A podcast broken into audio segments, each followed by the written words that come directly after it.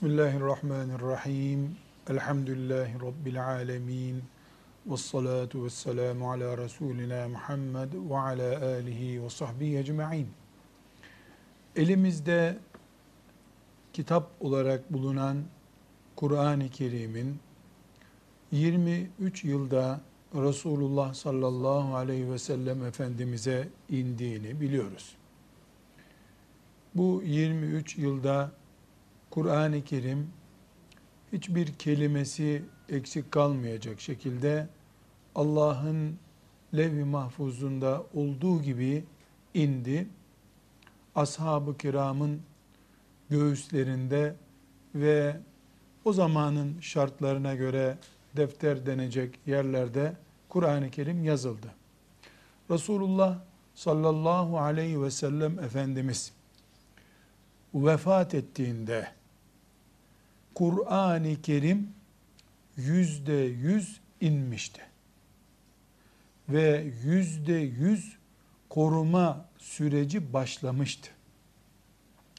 O vefat ettiğinde hem evinde, onun evinde Ayşe annemizin yanında Kur'an'ın inen bütün ayetleri yazılı olarak vardı. Bu yazı şeklini daha önce açıklamıştık. E, deri parçaları büyük oranda yani derilere yazılmış haliyle e, tahtalara, kiremitlere böyle yazı yazılabilen her şeye yazılmış olarak Resulullah sallallahu aleyhi ve sellemin evinde bulunuyordu. Bundan da önemlisi onlarca sahabi Kur'an'ı ezberlemişlerdi dedik. Bütün ashab-ı kiram Kur'an hafızı değildiler. Ama Kur'an'ı baştan sona ezberleyen sahabiler vardı. Ee, evet, hepsi hafız değildi ama mesela e, Tevbe suresini, mesela İsra suresini, mesela Saffat suresini binlerce sahabi biliyordu. Ama bütün sureleri Fatiha'dan Nas'a kadar bilen sahabi sayısı da 3-5'ten e, fazlaydı.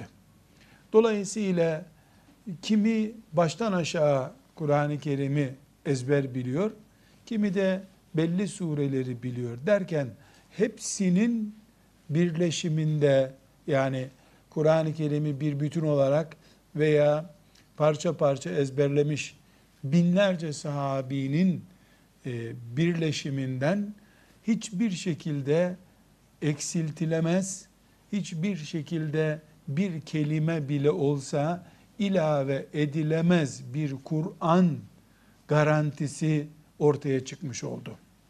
Böylece Kur'an-ı Kerim Resulullah sallallahu aleyhi ve sellem Efendimizin sağlığında koruma altında denecek bir ezber ve yazı görmüştü. Ancak e, bugün elimizde Kur'an-ı Kerim diye gördüğümüz şöyle bir kitap gibi Kur'an-ı Kerim ortada yoktu. Şurada e, şu sure, burada bu sure, bu ayetler yazılmış haliyle vardı. Ama ashab-ı kiramın kafasında bu kitap şekliyle vardı. Resulullah sallallahu aleyhi ve sellemin vefatından sonra Ebu Bekir radıyallahu anh ümmeti Muhammed'in peygamberden sonraki ilk lideri olduğunda e, ümmeti Muhammed'in içinden bazı çökertme hareketleri buna dinden dönme veya irtidat ismi de verebiliriz. Çökertme hareketleri başladı. Bu hareketler esnasında hafız olan yani Kur'an'ı baştan sona ezber bilen pek çok sahabi şehit düşünce daha Resulullah sallallahu aleyhi ve sellemin naaşı, mübarek naaşı toprağa konduğu aylarda yani yeni sıcak bir dönemde Resulullah sallallahu aleyhi ve sellemin ashabı Allah onlardan razı olsun Kur'an-ı Kerim'i tek bir kitap şekline getirme projesi başlattılar. Bunun içinde Zeyd bin Sabit radıyallahu anh isimli bir sahabi ki o gün 21 yaşındaydı sadece. Ee, içinde ashab-ı kiramın büyüklerinin de bulunduğu bir e, komisyon kuruldu. O komisyonun başına Zeyd bin Sabit radıyallahu anh başkan olarak tayin edildi. Kur'an-ı Kerim şuradaki buradaki dağınık halinden e, ciddi bir kitap görüntüsüne yani bugünkü bu şekle geldi. Elbette bu elimizdeki matbaa baskısı, ipince kağıtlara yazılmış. O o zamanki kitap e, ne deniyorduysa, hangi stilde e, yazılıyorduysa o şekildeki büyük ihtimalle, çok büyük ihtimalle ince derilere, inceltilmiş derilere yazdılar Kur'an-ı Kerim'i ve e, Resulullah sallallahu aleyhi ve sellemin vefatından yıl geçmeden, yıl geçmeden, henüz yıl geçmeden ve ashab-ı kiramın Kur'an'ı e, baştan sona kadar ezber bilenlerinin sağlığında. iki. Üç, Resulullah sallallahu aleyhi ve sellem Efendimizin evinde bulunan işte e, derilere, e, ağaç dallarına veya işte kemiklere, tahta kiremitlere yazılmış olan Kur'an-ı Kerim, dağınık halde bulunan Kur'an-ı Kerim ayetleri, sureleri e, Zeyd bin Sabit radıyallahu anh'ın başkanlığını yaptığı ashab-ı kiramdan oluşan yani Allah'ın kendilerinden razı olduğuna dair adil, vasıflı müminler olduklarına dair Kur'an'ın şahitlik ettiği sahabilerin kontrolünde Kur'an-ı Kerim bir ciltlik kitap haline getirildi. Buradaki hususları tekrar ediyorum. Birincisi ashab-ı kiramda hangi sure nerededir, hangi ayet ne zaman indi bilen binlerce insan ayaktaydılar. Hayatta yaşıyorlardı. Resulullah sallallahu aleyhi ve sellemin e, evinde yazılı dökümanlar dağınık olarak bulunuyordu. Muhtemet bir katip kadrosu Kur'an-ı Kerim'i baştan sona yazdı. Bu komisyonun yazdığı Kur'an-ı Kerim yani kendileri bir ilave yapmadılar. O e, nusayı aldılar, bu deriyi aldılar, bu kemik parçasını aldılar. Kendileri hafız zaten. Zeyd bin Sabit radıyallahu anh hafızlardandı. Komisyondaki görevliler de hafızdı. Kur'an'ı baştan sonra çok iyi ezber bilen Übey ibn Ka'b da bulundu. Bu komisyon Kur'an-ı Kerim'i e, bu şekilde bir kitap haline getirince Allah onlardan razı olsun. Hayatta olan on binlerce sahabinin e, görüşüne sunuldu bu. Şimdiki deyimle kamuoyuna arz edildi. Şimdiki ifadelerle.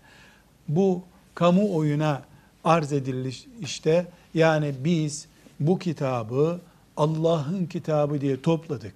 Sizler bu ayeti ta en baştan beri biliyorsunuz. Bu sureyi ilk indiği günden beri biliyorsunuz. Siz Resulullah sallallahu aleyhi ve sellemin yol arkadaşlarısınız.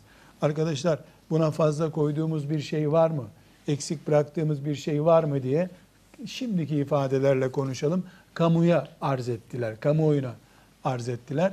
Ashab-ı kiramın e, hiçbir tanesi filan ayeti eksik bıraktınız, filan sureyi yanlış yere yazmışsınız demedi. E, yazım esnasında da zaten e, herkese ilan edildi. Kur'an kitap olarak bir araya getiriliyor. E, bir görüşü olan, bir şey bildiğini zanneden gelsin dendi. Herkes evet bu sure böyledir, bu sure burada yazılıyor dediler. Zaten yanlış yazılması halinde mesela işte Ali İmran suresi Nisa suresinin arkasına konacak olsaydı on binlerce sahabi bunun aslını bildikleri için buna itiraz edeceklerdi. Çünkü ashab-ı kiram menfaatini kollayıp ses çıkarmayacak bir nesil değildi. Onlar bilseler ki Bakara suresinden bir harf Resulullah'tan dinledikleri halde Zeyd bunu koymadı. Ya da Zeyd Resulullah'ın ağzından çıkmayan aleyhissalatü vesselam bir harf ilave etti göğü Zeyd'in kafasına indirirlerdi. Onlar canlarını ve mallarını Kur'an sevdası Resulullah teslimiyeti uğruna feda etmiş nesildiler. Biz bu Kur'an'ı cem ettik. Yani topladık. Yeni bir ayet ilave edilmedi. Kaldırılmış konmadı. Konmuş kaldırılmadı. Ama Resulullah sallallahu aleyhi ve sellemin zamanında burada iki sure yazılı, burada üç ayet yazılı, burada beş sure yazılı, dağınık vaziyette Ayşe annemizin yanında bekliyordu. Toplayıp bir dosyaya kor gibi yaptılar. Herhalde bugünkü gibi de değil, büyükçe bir e, deri e, kitap haline geldi. Ashab-ı kiramda hiç kimse buna itiraz etmedi. İtiraz etmedi. Çünkü zaten yazılırken de herkesin görüşü alındı. Sen bir şey biliyor musun? Sen bir sure biliyor musun? Mesela Abdullah İbni Mesud'dan rivayet edilir. Yazım esnasında e, bizim kunut duası olarak okuduğumuz duaları ayet olarak ezberlemiş o. Ashab-ı kiram demiş ki sen yanlış biliyorsun. Bunlar ayet değil. E, o da tamam madem öyle ayet değil demiş. Demek ki bu tip tartışmalar aralarında olmuş.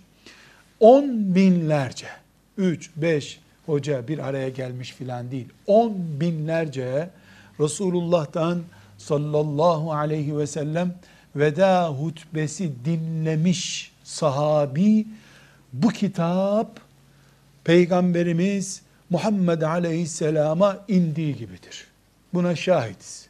Dediler, ümmeti Muhammed'in başı olan Ebu Bekir radıyallahu anh o yazılı musafı aldı, devlet muhafazası altına almış oldu.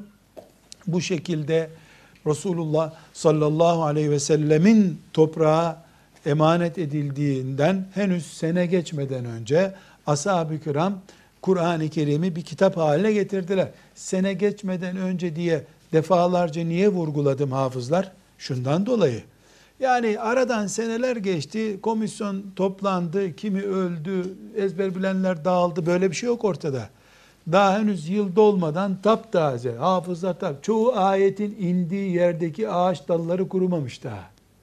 Filan yerde ashab-ı kiram, filan hurmanın altında Resulullah sallallahu aleyhi ve sellemle otururken ayet inmişti. O hurma orada duruyor daha. Taptaze, olaylar taptaze, daha mevsim değişmemiş üzerinden yaz kış geçmemiş Kur'an'ın bu kadar taze bir zamanda olması muhafaza edilmişliği, ilave olmayışı, eksik olmayışı açısından garantiyi gösteriyor. Devlet teminatı altına alındıktan sonra da zaten kimsenin müdahale etmesi mümkün değil. Ebu Bekir radıyallahu anh Musaf'ı emanet olarak aldı. Devlet kasasında diyelim kilitledi. Vefat edince de Ebu Bekir radıyallahu anh kızı ve Resulullah sallallahu aleyhi ve sellemin hanımı olan anamız Aişe radıyallahu anhaya o nüsha emanet edildi. Ona Ebu Bekir nüshası deniyor. Yani Ebu Bekir'in yazdırdığı, emanet ettiği. Burada e, bir din ıstılahı öğrenmemiz lazım. İcma diye bir ıstılah var, kavram. İcma şu demek. Ümmeti Muhammed'in alimleri, mütefekkirleri, büyükleri, müştehitleri özellikle müştehitleri bir konuda söz birliği yaparlar. Bu söz birliğine icma denir. Oy çokluğu değil ama. Oy çokluğu başka bir şey. Söz birliği yapıyorlar. Bir konuda icma varsa eğer, yani ümmetin büyükleri, evet bu böyledir dedilerse, Kur'an gibi, hadis gibi bir belgedir o bizim için.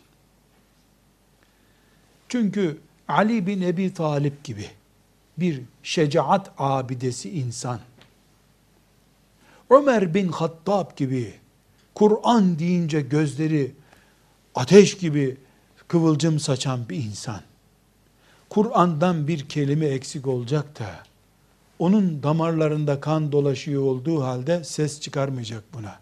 Kur'an'dan bir ayet yanlış yere yazılacak, değil eksiltmek.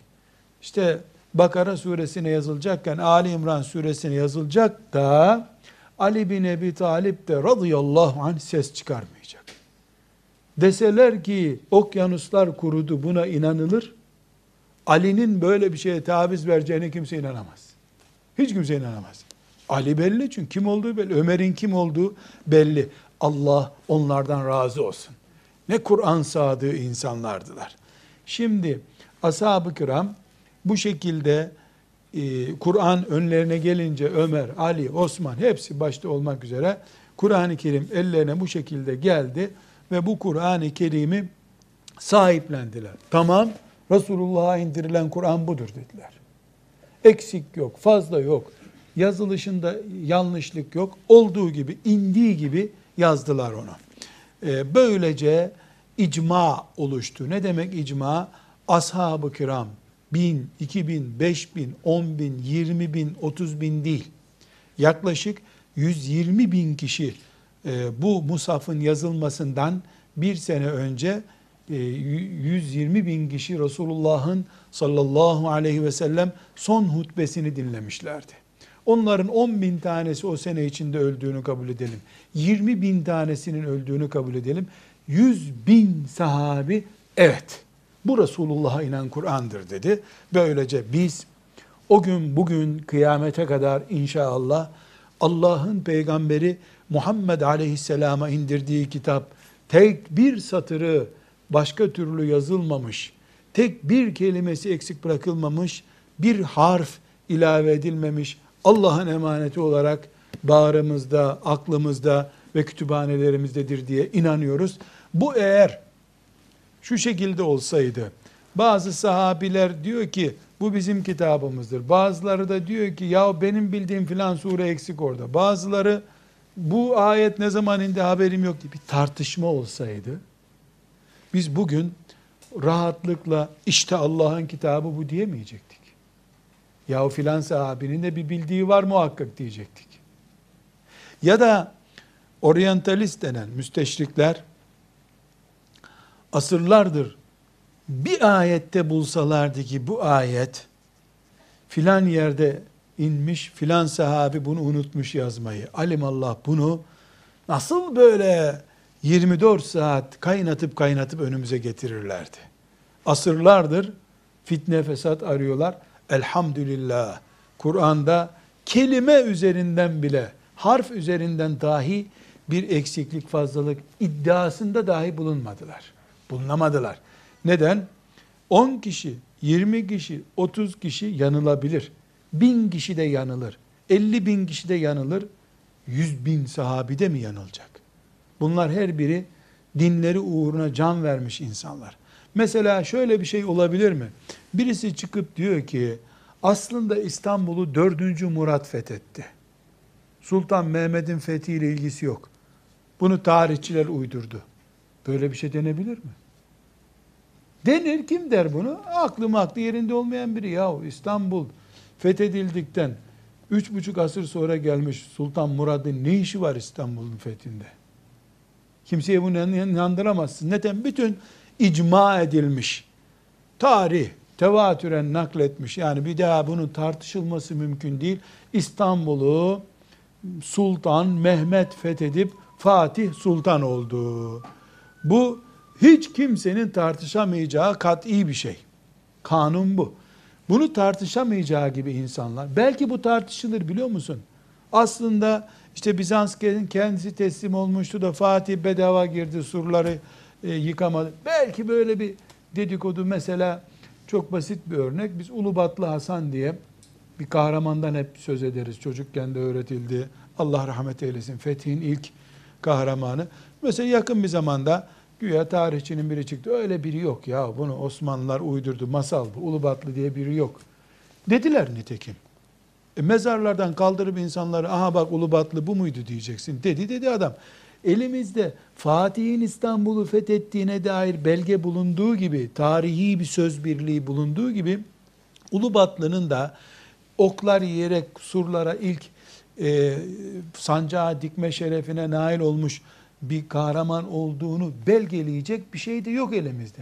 Ulubatlı Hasan değil de e, Küçük Batlı Mehmet'ti belki. Belki Çanakkale'li Hasan'dı adı. Ulubatlı Hasan değildi belki diyelim. Ama her halükarda İstanbul'u Fatih'in fethetmesindeki garanti bilgimizle Ulubatlı Hasan bilgimiz aynı şeyler değil.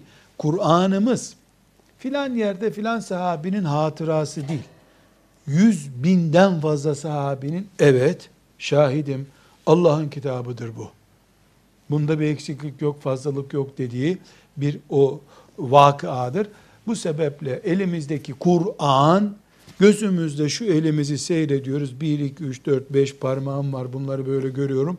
Bunu gördüğümden daha güvenlidir Kur'an'ın Allah'tan indirildiği gibi kaldığına dair. Çünkü ben illüzyon falan olur, ikiyi bir görürüm. Mesela e, bazı göz hastaları üçü iki görüyor, ikiyi dört görüyor. Belki öyle bir şey olur ama ashab-ı kiramda on kişi, yüz kişi değil ki. Binlerce sahabi, her biri de mücahit, Allah'a can vermiş, mal vermiş insanlar şahit oldular. Kur'an elimizde sağlam. Elhamdülillah.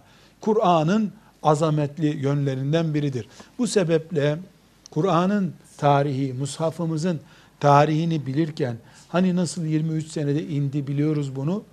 Çok önemli bir bilgi olarak Ebu Bekir radıyallahu anh döneminde Zeyd bin Sabit'in bu komisyonunu da bilmek gerekiyor. Çünkü sen mümin olarak Musaf'ının, Kur'an'ının sana nasıl ulaştığına dair bilgiyi kat'i bir şekilde bilmezsen, şeytan veya şeytan kafalı biri gelir, ya o derilere yazılmış şeyler, kemiklerin birini keçi yediyse ne olacak şimdi? E demek der, şüphe edersin. Aslını, hakikatini bize nasıl ulaştığını bilmemiz açısından bu çok önemli. Binlerce ezber bilen, kimse demedi bunu eksik yazdınız on binlerce sahabi evet Allah'ın kitabıdır bu dediler. Allah onlardan razı olsun. Ondan sonra bize gelişine kadar Kur'an-ı Kerim'in geçirdiği başka merhaleler de var. Ebu Bekir radıyallahu anh vefat ederken bu musafı e, Ayşe annemizin yanına emanet olarak bıraktı demiştik. E, bu emanet musaf Ayşe annemizin yanında kaldı. E, niçin sakladılar bunu? Yani birisi filan ayeti okurken tereddüt ettiği zaman e, yanındaki de bilmiyorsa gidip Ayşe anamıza sorsunlar. Bu ayet nerede? Açacak ayet bu ayet böyle diyecek. Burada yazılı diyecek. Bir belge olarak onu sakladılar. Ömer radıyallahu anh müminlerin emiri oldu. 10 sene o müminlerin emiri olarak kaldı. E, iki senede Ebu Bekir radıyallahu anh e, emir olarak kaldı. Musaf'a hiç ihtiyaç olmadı. Çünkü o ilk canlı hafızlar e, hep canlı olarak ellerini yani e, filan sahabi Übey ibn Ka'b, Ebu Musa el-Eş'ari, Ebu Derda radıyallahu anh Medine'de mescitte oturuyor zaten. Nereyi yanlış okuyacaksın ki? Asıl Kur'an'ın yanı başlarında inen kahramanlar onlar. Hiçbir ihtiyaç olmadı. Osman İbni Affan radıyallahu anh ümmeti Muhammed'in üçüncü halifesi oldu. Osman İbni Affan üçüncü halife olduğunda fetih çok büyük sınırlara ulaştı. Kıbrıs adasına İslam geldi. Azerbaycan sınırları İslam'la şereflendi. Ve Osman İbni Affan radıyallahu anh ciddi bir şekilde Afrika'dan e, Tunus üstlerinden Mağrib ve bugünkü İspanya, İspanya üzerinden Fransa, Fransa üzerinden Bulgaristan, Yunanistan üzerinden e, Konstantiniyye'ye gelip İstanbul'u Anadolu'dan değil de Avrupa'dan fethetmeyi planlıyordu Osman İbni Affan. Gaye çünkü Resulullah sallallahu aleyhi ve sellemin büyük bir müjdesi var. İstanbul'un fethedilmesi lazım. Bütün müminler böyle bir şeyle heyecanlanıyorlar. Normal biz Anadolu'dan gidilen bir yolu biliyoruz. Osman İbni Affan Anadolu'dan fetih gerçekleşirse Avrupa'dan destek gelir. E, zor fethederiz diye bir plan yaptı. Çok büyük bir dehaca plan. Kuzey Afrika'ya ordular saldılar. Hakikaten Osman İbni Affan döneminde e, Mağrib'e kadar yaklaşıldı. Yani Mısır zaten e, Ömer zamanında fethedilmişti. Radıyallahu anhüm cemiyan. Endülüs'ü fethedecek Paris'ten e, Bulgaristan ve Yunanistan'a inecekler. E, bu taraftan da zaten Anadolu'ya İslam orduları Ömer bin Hattab zamanında Antakya'ya gelmişlerdi. Anadolu yakın. Araya Bizans'ı sıkıştırıp İslam toprağı yapacak planı vardı. E, bu yüzden Osman İbni Affan döneminde doğuda bir yanda, öbür yanda Afrika'nın altlarına doğru, Nijerya tarafına doğru inildi. Bir yandan da Endülüs için yani İspanya için Kuzey Afrika'ya kadar gidildi. Çok büyük bir toprak parçası İslam toprağı oldu. Fakat e, fetih hızı kadar eğitim hızı gösterilemedi.